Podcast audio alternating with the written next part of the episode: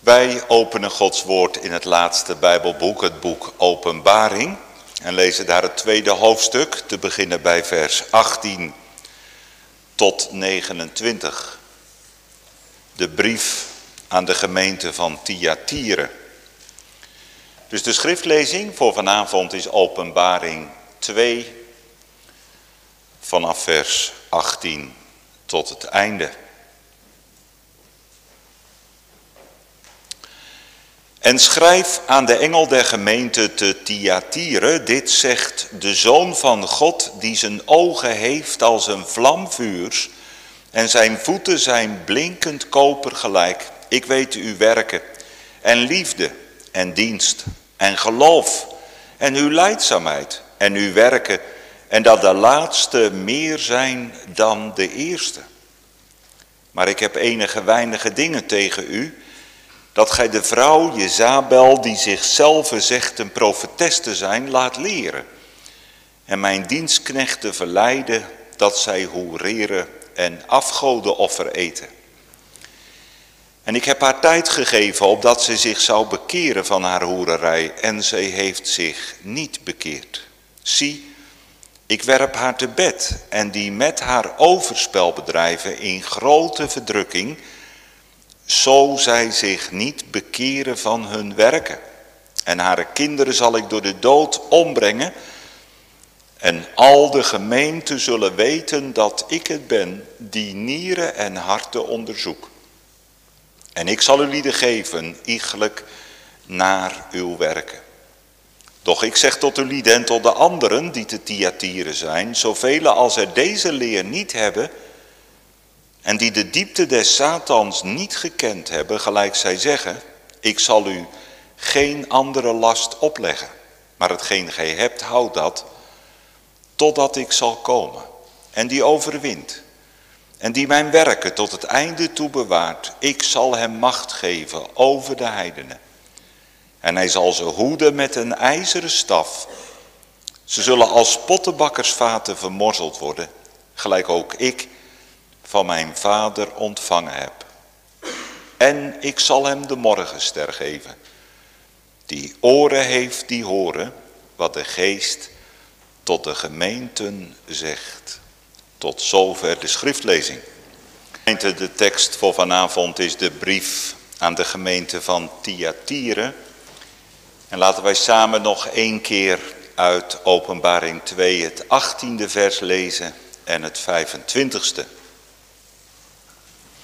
Vers 18. En schrijf aan de engel der gemeente te Thyatire, dit zegt de Zoon van God, die zijn ogen heeft als een vlamvuurs en zijn voeten zijn blinkend koper gelijk. En vers 25, maar hetgeen gij hebt, hou dat totdat ik zal komen. Tot zover. Wij worden bepaald bij de strijd in de kracht van de overwinning. Strijden in de kracht van de overwinning. Tweetal gedachten in het eerste plaats. Het karakter van de strijd. En in de tweede plaats de kracht van de overwinning. Strijden in de kracht van de overwinning. Ten eerste het karakter van de strijd. En ten tweede de kracht van de overwinning. Gemeente, de brief aan de gemeente van Thyatire maakt onderdeel uit van een serie brieven. Een zevental brieven waar Johannes de opdracht krijgt als hij op het eiland Patmos is. De opdracht krijgt om aan de engel van de zeven gemeenten een brief te schrijven. Zeven gemeenten in Klein-Azië. U kunt zich afvragen waarom juist aan deze gemeentes. Er waren veel meer gemeentes in Klein-Azië.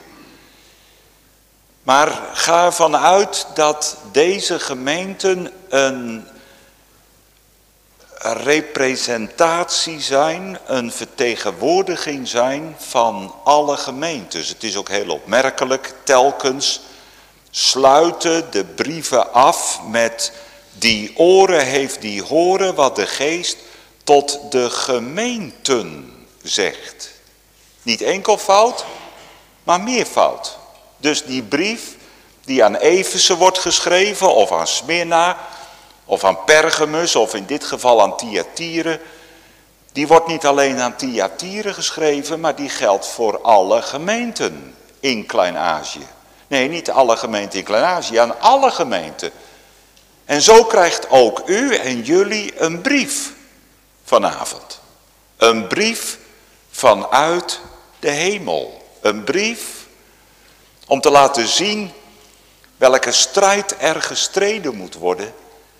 Maar ook dat er overwinning is en dat die strijd mag gedaan worden in de kracht van de overwinning. En zo zien wij als het ware die zeven gemeenten liggen. En waarom zeven? Nou ja, dat is het sleutelgetal voor het verstaan van openbaringen. Het getal van de volheid, zeven brieven, zeven zegels, zeven violen, zeven engelen. Het is steeds het getal zeven waar dat laat zien hoe volkomen alles is. En wij zouden zeggen dat alles onder controle is. Maar niet door mijn hand, niet in een mensenhand, maar het ligt alles vast in zijn hand. En dan moeten de zeven brieven geschreven worden. En dan waarom eerst aan Efeze en daarna aan Smyrna? Is de ene plaats belangrijker misschien? Is de andere plaats groter misschien? De gemeente groter? Ik denk in gedachten dat Johannes zo een rondreis maakt. Als je in Klein-Azië zit. Begint in Efeze aan de Egeïsche Zee. En dan rechtstreeks naar het noorden. De plaats Smyrna ligt ook als het ware nog. Het is een havenplaats, ook aan een baai. Hoewel wat meer landinwaarts. Dan weer meer naar het noorden. Daar ligt Pergamus, maar we gaan nu naar het zuidwesten toe om in Thyatire te komen. En Thyatire is, als je het vergelijkt met die andere plaatsen, dan is het de minst belangrijke. De minst bekende. Als ik tegen u zeg, dant u maar deel, dan zegt u ja, dat zou best kunnen, klinkt Fries, maar uh, geen enkele betekenis. Maar als ik tegen u zeg Amsterdam, dan zegt u ja, dat is duidelijk. Dat is de hoofdstad. Dat heeft veel meer bekendheid. En zo was Thyatira het minst bekend in heel Klein-Azië. En toch krijgt het de langste brief. Dat is ook wel een les, gemeente, dat de Heer het onedele, het verachten van de wereld heeft uitverkoren. Misschien voor mensen niet belangrijk, maar voor de Heer wel. En daarom krijgt de gemeente ook heel veel aandacht, hemelse aandacht. Maar als u deze brief, die brief aan de gemeente van Thyatire vergelijkt met de voorgaande brief, de brief aan de gemeente van Pergamus, dan vraag je je af, wat voegt het eigenlijk nog toe? De zonde die ook in Pergamus welig tierde, zonde die met name aan die stad moesten worden toegerekend, die vinden wij ook terug in Thyatire. Ook hier geldt het dat de zonde van Biliam werd bedreven. En jongens en meisjes, jullie weten misschien wel, Biliam. Hoe zat dat ook alweer? Met die ezel die kon praten. Nou, het was geen ezel, het was een ezelin. Maar uh, hij heeft wel gesproken. Ga daar maar vanuit. En Biliam werd geroepen om het volk te vervloeken. Maar wat deed Biliam? Dat kreeg hij niet voor elkaar, die vloek uit te spreken. En dan gaat hij het volk verleiden. En hij verleidt ze tot hoererij en tot afgoderij. En misschien moeten wij zeggen, gemeente, of het nou afgoderij is of hoererij, het is precies hetzelfde. De kern van de zonde is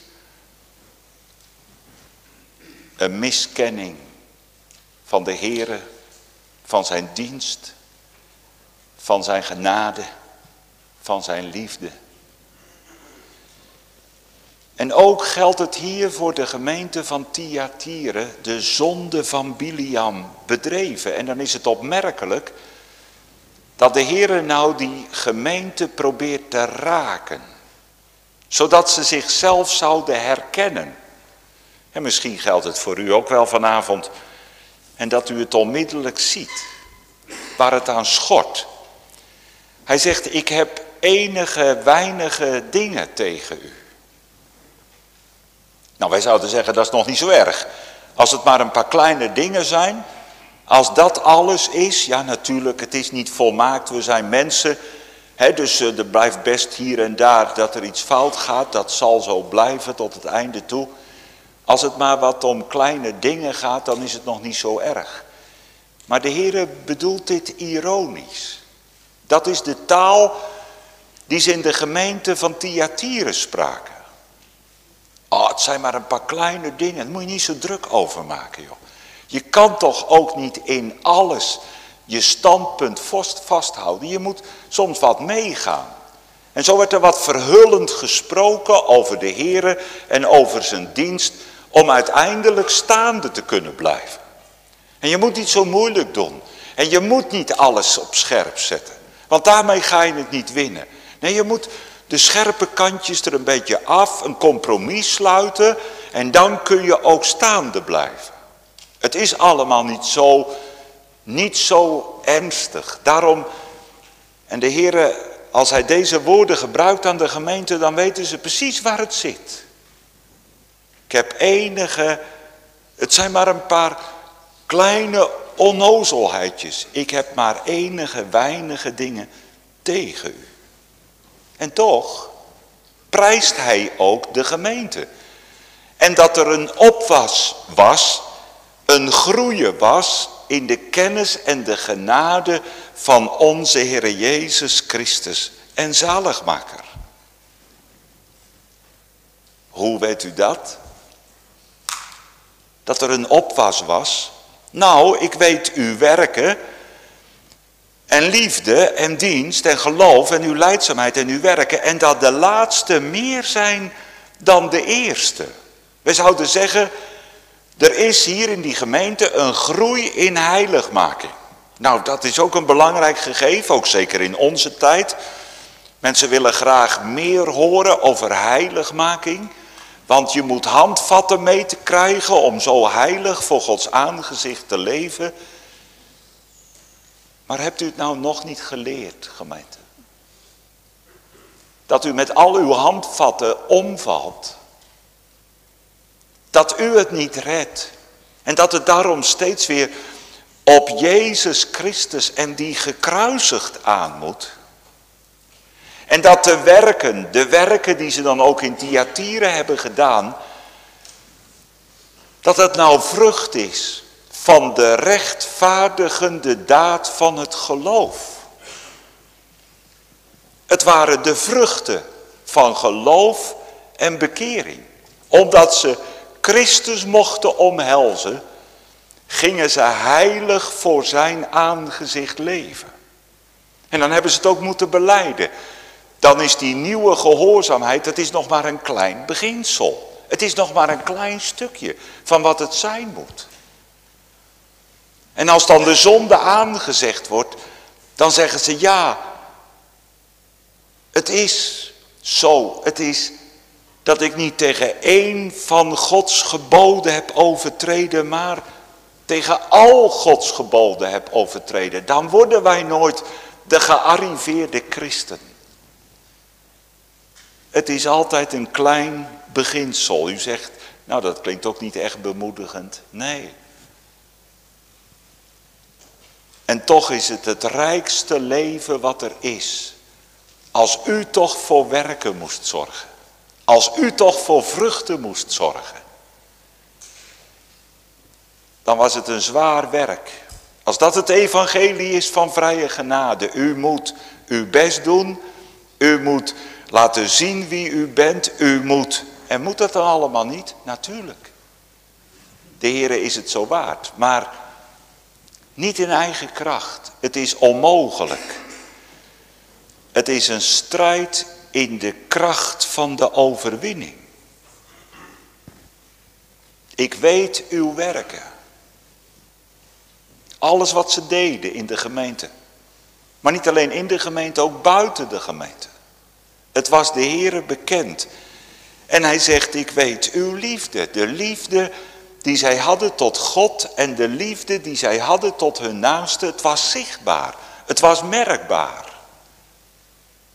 En er ging een aanstekelijke werking van uit. Ik weet uw dienst. De dienst aan de Heere. De ware godsdienst. De dienst aan God. En zoals een oude vriend altijd zei tegen mij. Onze voornaamste godsdienst, dat ligt in ons dagelijkse werk. Ons dagelijkse werk is de voornaamste dienst aan God. Om getrouwd te zijn in het beroep waar de Heer u toe geroepen heeft. Getrouwd te zijn. Want wat denkt u gemeente, als u altijd loopt te mopperen, hier te smal en daar te kort en te veel en te weinig. Word je daar jaloers op? Moet je dan maar alles pikken? Nee. Daar waar recht en billig is, daar mag u er wat van zeggen. Maar om dan zo de voetsporen van Christus te drukken. Hem te volgen. Waar hij dan ook heen gaat. Ik ken uw dienst en uw geloof. Dat vertrouwen, dat diepe vertrouwen.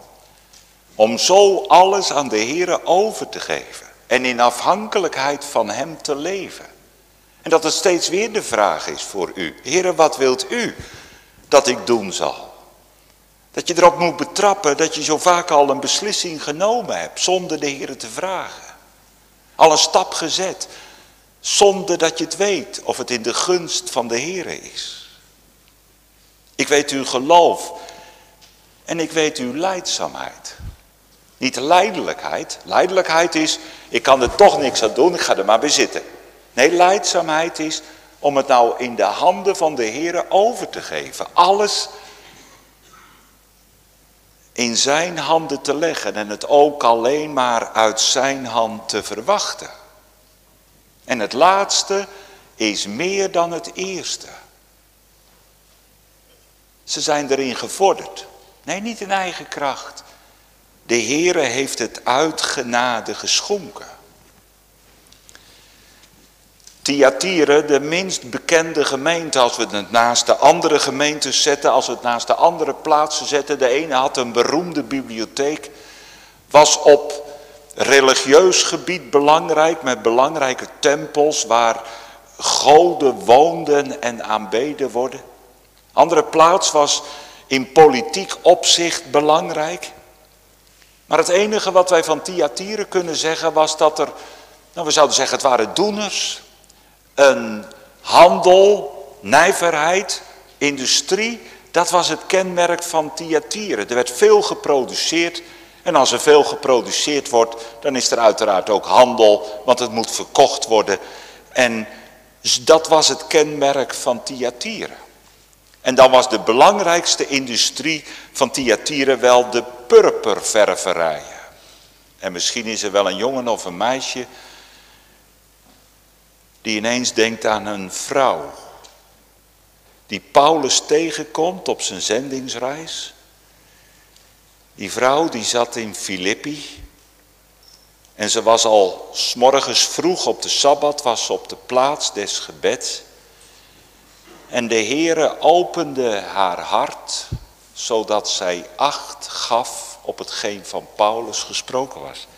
Die vrouw was Lydia. Een purperverkoopster uit Thyatire. Bekend om de purperververijen.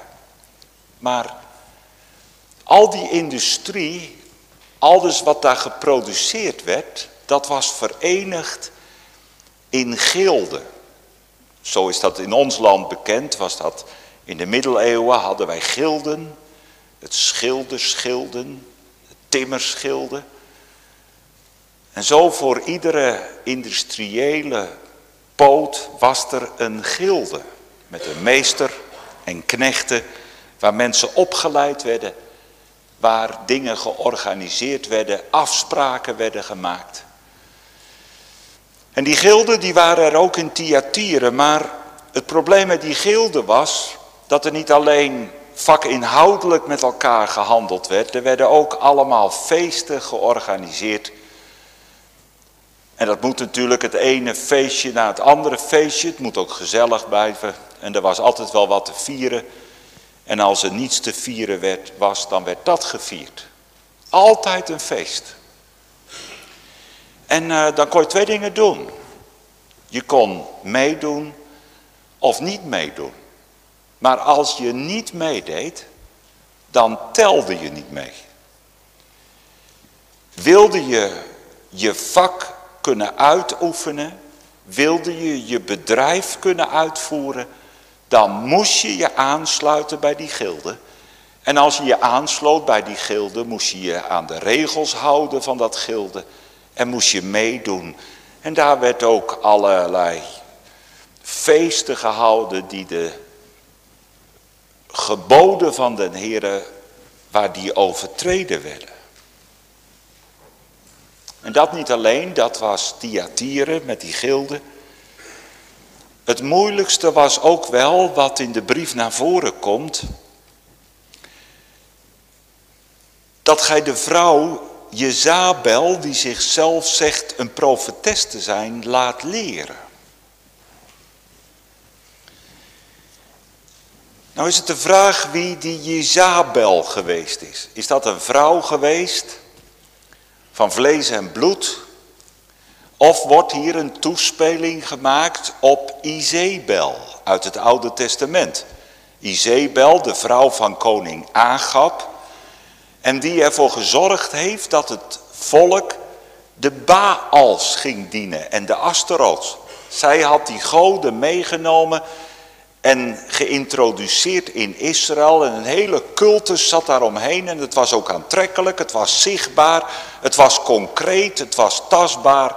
En daarom het hele volk heeft verleid. En dat hier Johannes in opdracht van de Here dus die vrouw noemt zodat iedereen zich kon herkennen wat er bedoeld werd.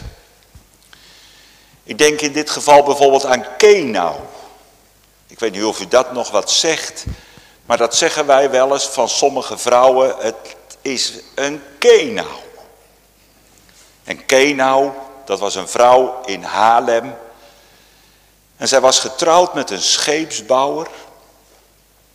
En uh, haar man kwam al jong te overlijden. Zij heeft die scheepswerf heeft ze doorgezet.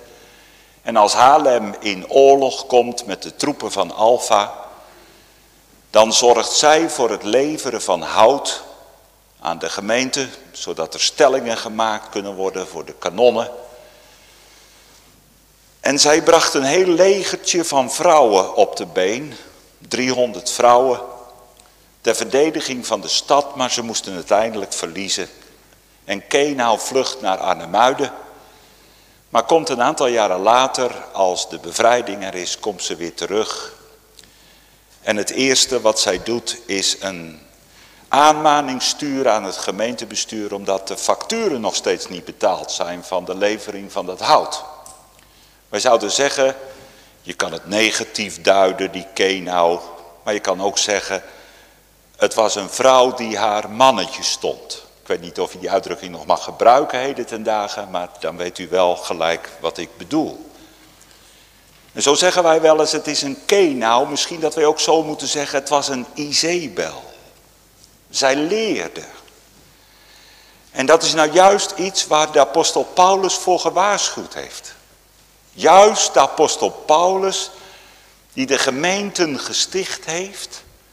En door zijn werk zijn de gemeenten van de grond afgekomen. En juist Paulus was het die gewaarschuwd heeft dat vrouwen stil moesten zijn in de gemeente.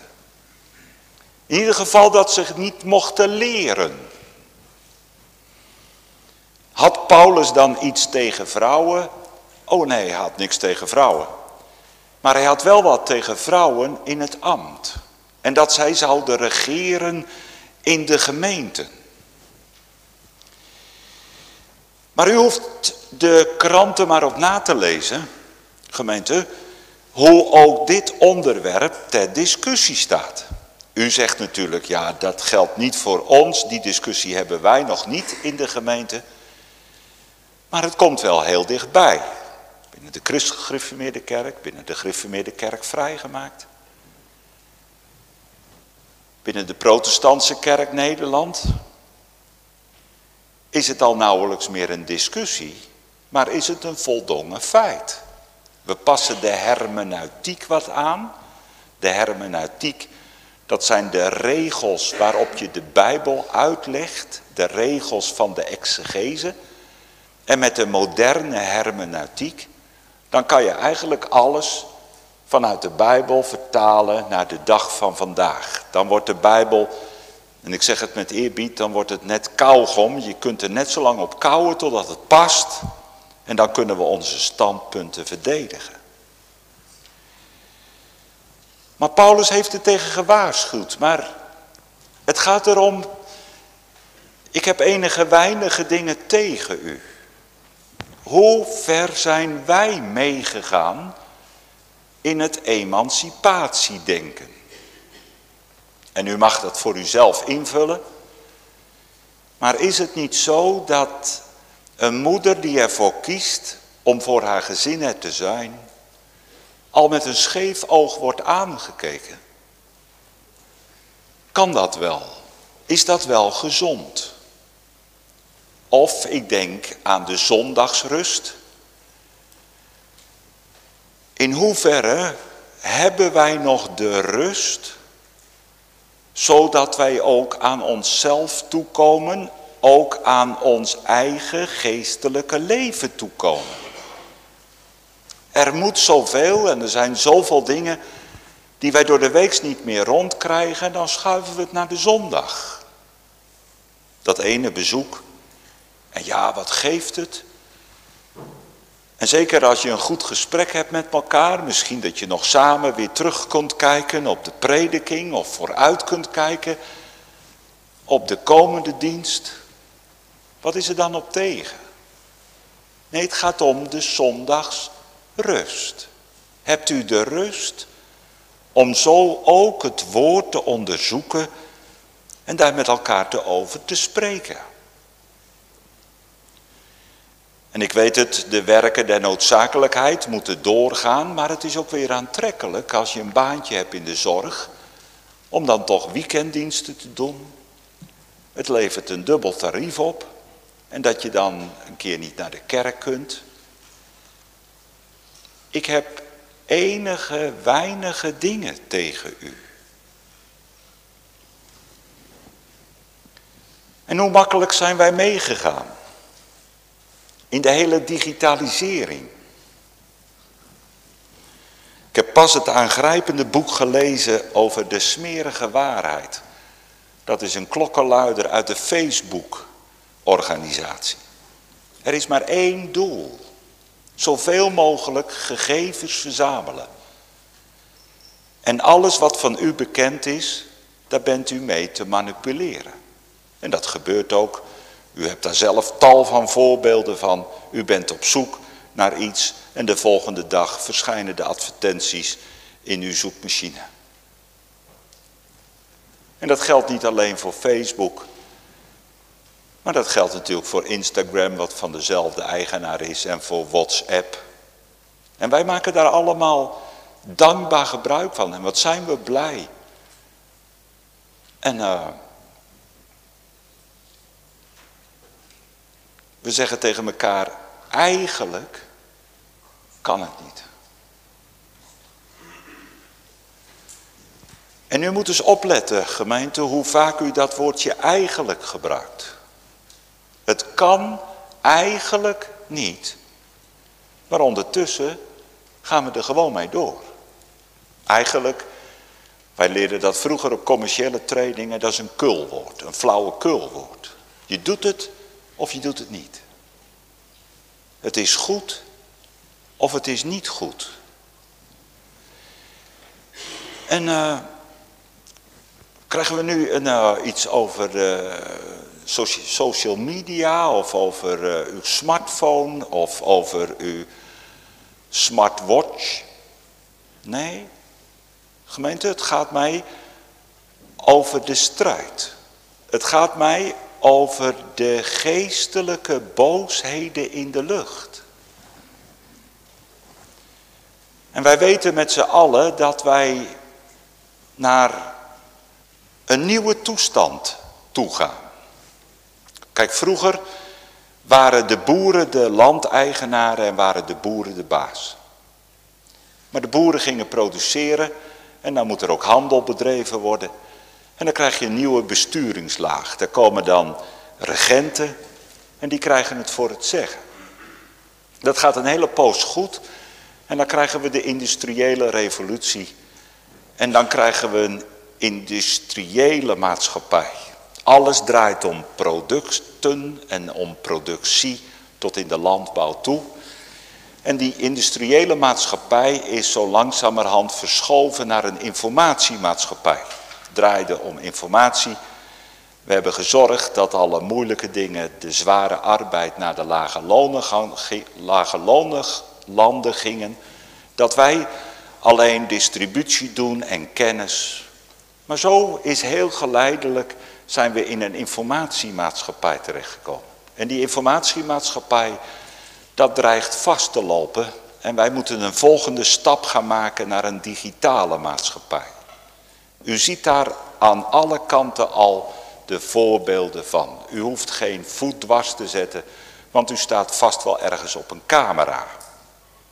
Als ik van ons bij Renen de brug overkom en door Kester heen rijd naar Opheusden, dan staan daar tal van camera's en dat is om het industrieterrein van Kesteren te beveiligen. Maar alles en alles wordt geregistreerd. Uw snelheid, de tijdstip waarop u langskomt, met de kleding aan. Alles wordt vastgelegd. En daardoor wordt het allemaal heel makkelijk, daardoor wordt het bestuurbaar, daardoor wordt het controleerbaar. En u hoeft zich geen illusie, uh, u hoeft zich niet in te denken dat u zich daaraan kunt onttrekken. Een strijd. En dan? Wat gaat u dan doen? Gaat u daarin mee? Of, en dan zegt Johannes, schrijft in deze brief, u laat uw zeebel leren.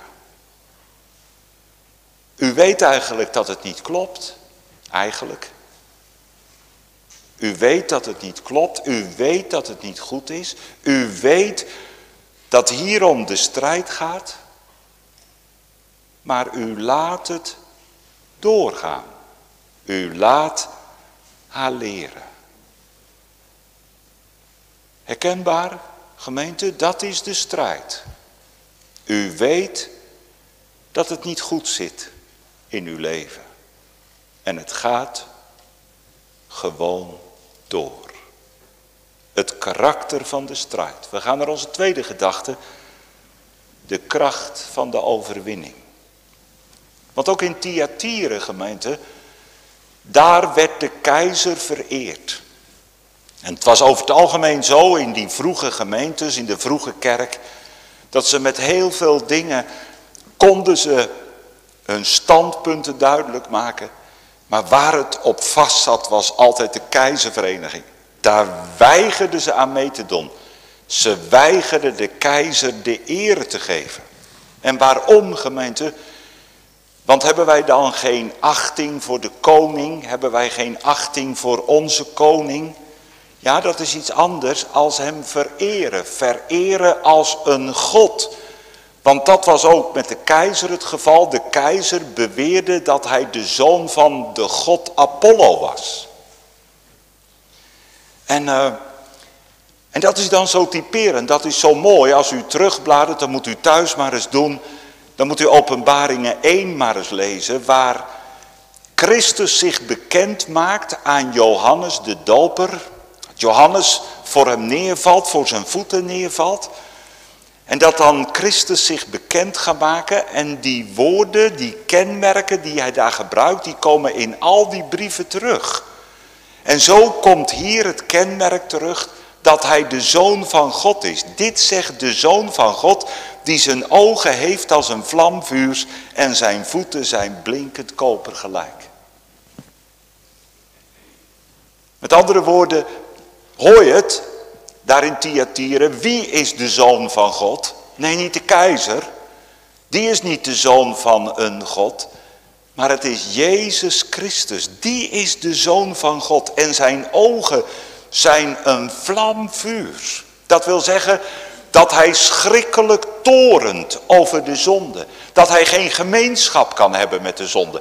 Ook niet met de kleinste zonde. Dat hij de heilige is. En dat hij daarom de zonde ook moet veroordelen. Die vlammende ogen is dat zijn ogen het ook doorzoeken. Die kijken overal dwars doorheen.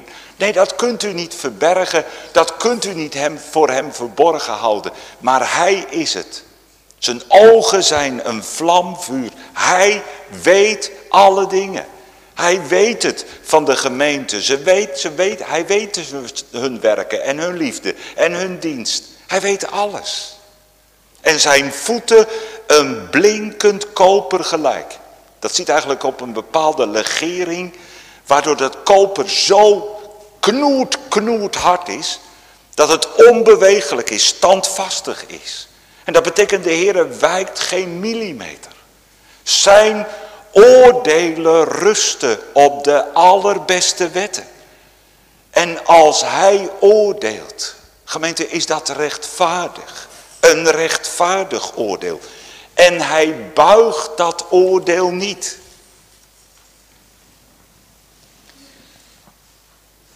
En dat is ook bijzonder. Wat er dan ook gebeurt. En hoe de mens der zonde...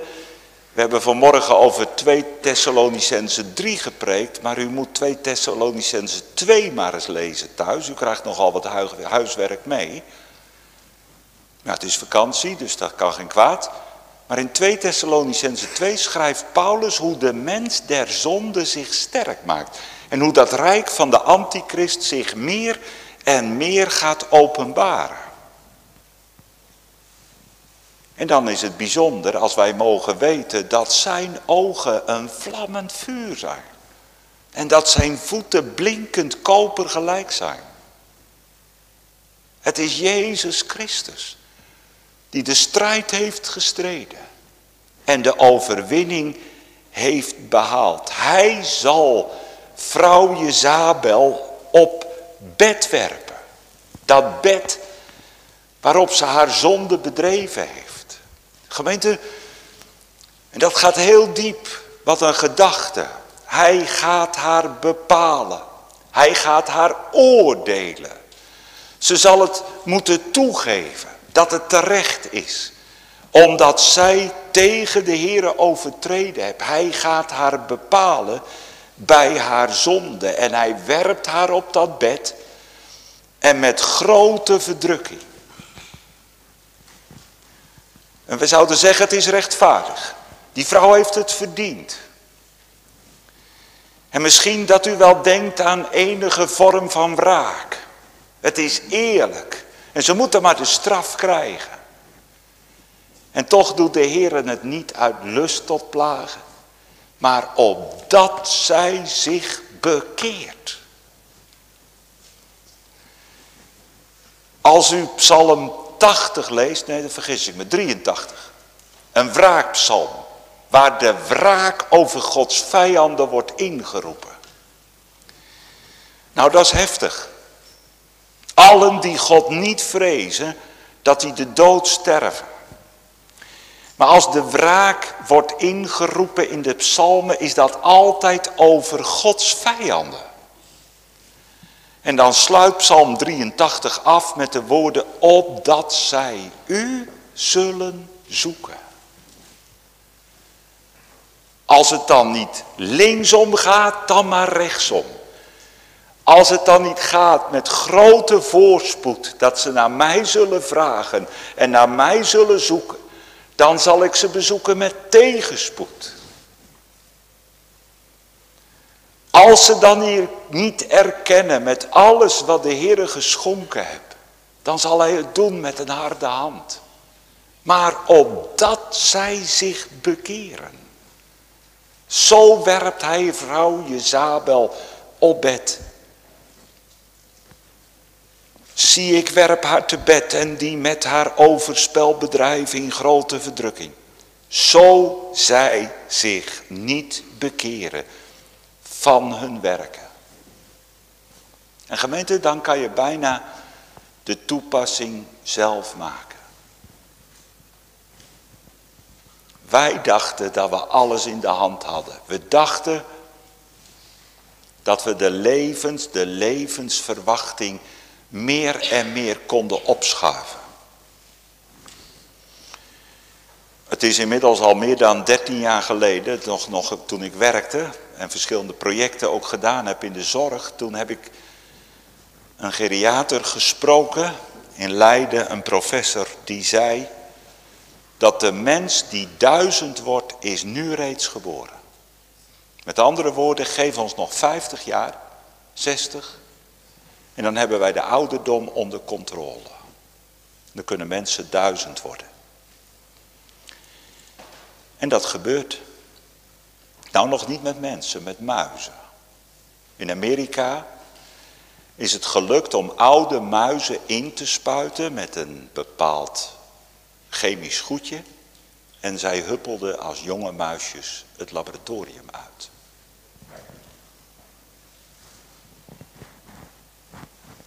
Maar ik zal ze op het bed werpen waarop zij gehoereerd hebben. Waar zij dachten van dat alles maakbaar was. Zal ik ze op dat bed werpen. En ze laten zien dat wij het niet in de hand hebben. Met grote verdrukking. En gemeente, ik ken u niet, ik ken uw kerkenraad niet, dus ik kan het met vrijmoedigheid zeggen. Wij gaan gewoon door.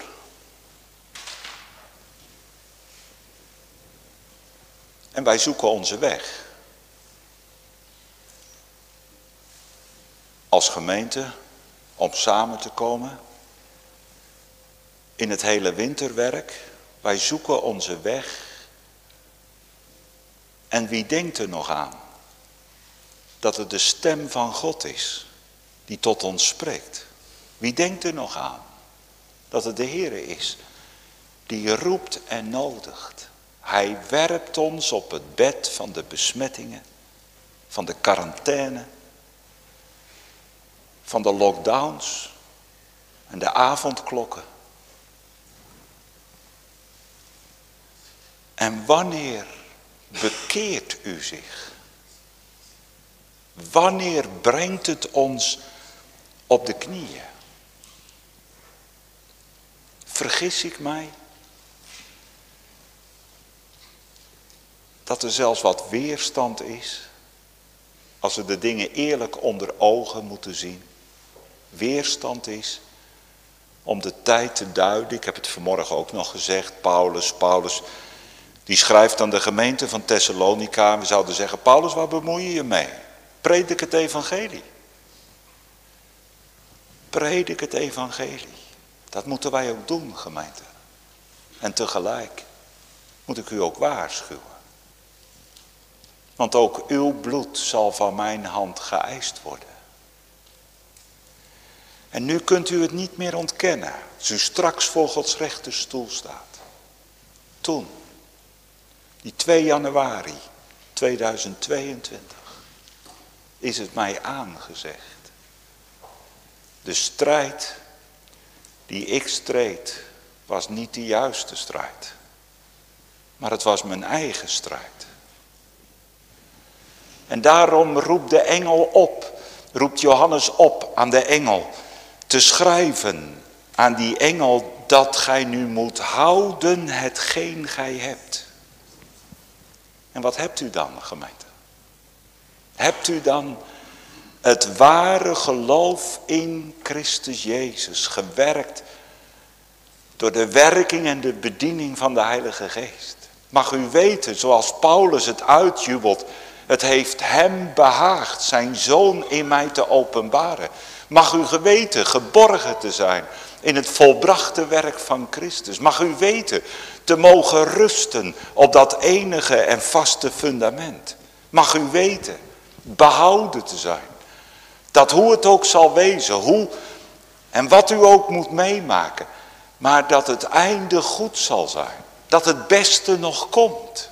Mag u het weten gemeente. En mag het vast liggen. Kan het dan vast liggen? Ja, daarom laat hij zijn woord verkondigen. Daarom laat hij verkondigen wie hij is.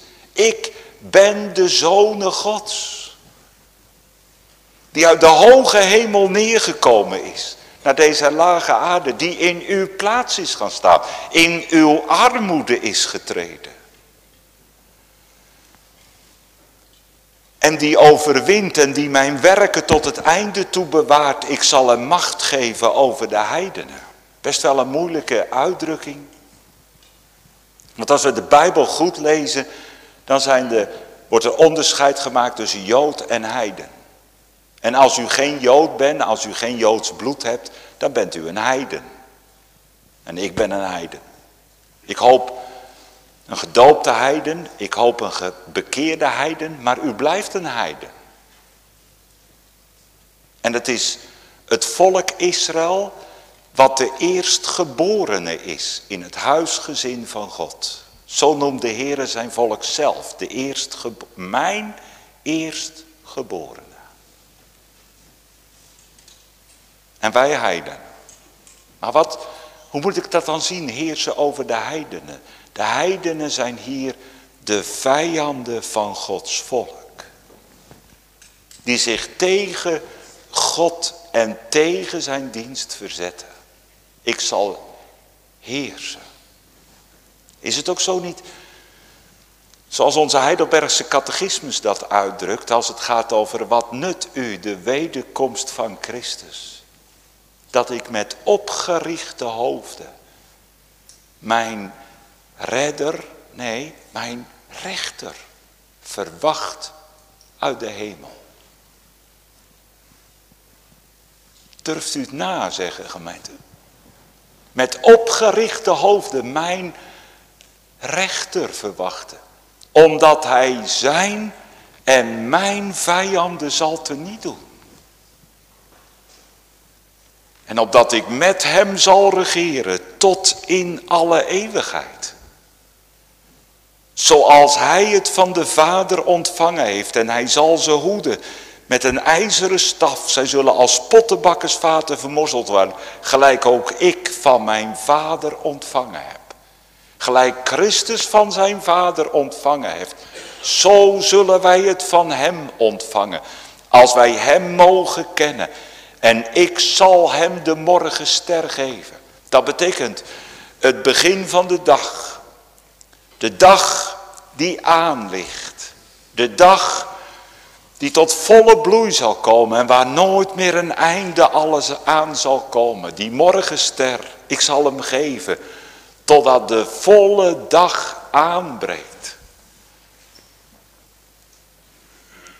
Opmerkelijk toch, daar heeft Biliam, die ster die in Jacob op zal gaan, daar heeft Biliam al van geprofiteerd. Maar zo mogen wij hem zien komen. Hij is gekomen, maar hij staat ook te komen. En verwacht u dan ook zijn wederkomst? Leeft u dan ook bij zijn komen? En we hebben het vanmorgen gezien. Dat maakt niet lui, dat maakt niet ontrouw, maar juist het tegenovergestelde. Als ik mag weten dat hij komt. Mag weten dat dat hemelse Jeruzalem neer zal dalen op de aarde. Met die straten van goud. Waar alles heerlijk en volmaakt zal zijn. En waarom? Niet om dat goud, maar om het lam. Daar zag ik de troon en om de troon 24 ouderlingen en ze wierpen hun kronen voor het lam. Om hem groot te maken. Tot in alle eeuwigheid. Het lam dat geslacht is. Het lam dat mij gekocht heeft met zijn dierbaar bloed. Is hij het dan niet eeuwig waardig om hem groot te maken, zijn lof te bezingen? Wat zal het zijn gemeente? En dan in alle, in alle volmaaktheid. Het zal nooit meer verstoord worden door geen enkele zonde. Storeloos hem groot maken, hem te zien. Van aangezicht tot aangezicht. Jongen, je hebt misschien wel verkering. En je woont nog niet bij elkaar. Maar dan zie je er toch weer naar uit om je vriendin te zien. Ziet u er naar uit? Hem die al uw liefde waardig is, omdat hij uw rechterhand wou vatten, om hem te zien, van aangezicht tot aangezicht, houd dan hetgeen gij hebt, totdat ik zal komen.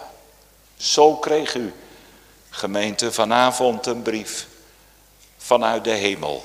Die oren heeft, die horen.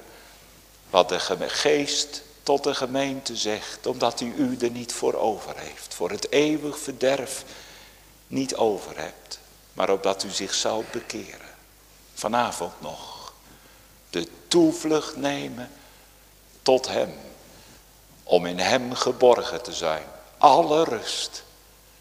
Maar bovenal dat uitzien. Het uitzien naar zijn komst. Maranatha. Heere Jezus, kom haastig. Amen. Wij gaan zingen met elkaar op Psalm 28. Het vijfde vers, gelooft zij God wiens open oren mijn smeekstem gunstig wilde horen. En ook het zesde, God geeft zijn gunstvolk moed en krachten. Vijfde en zesde vers uit Psalm 28.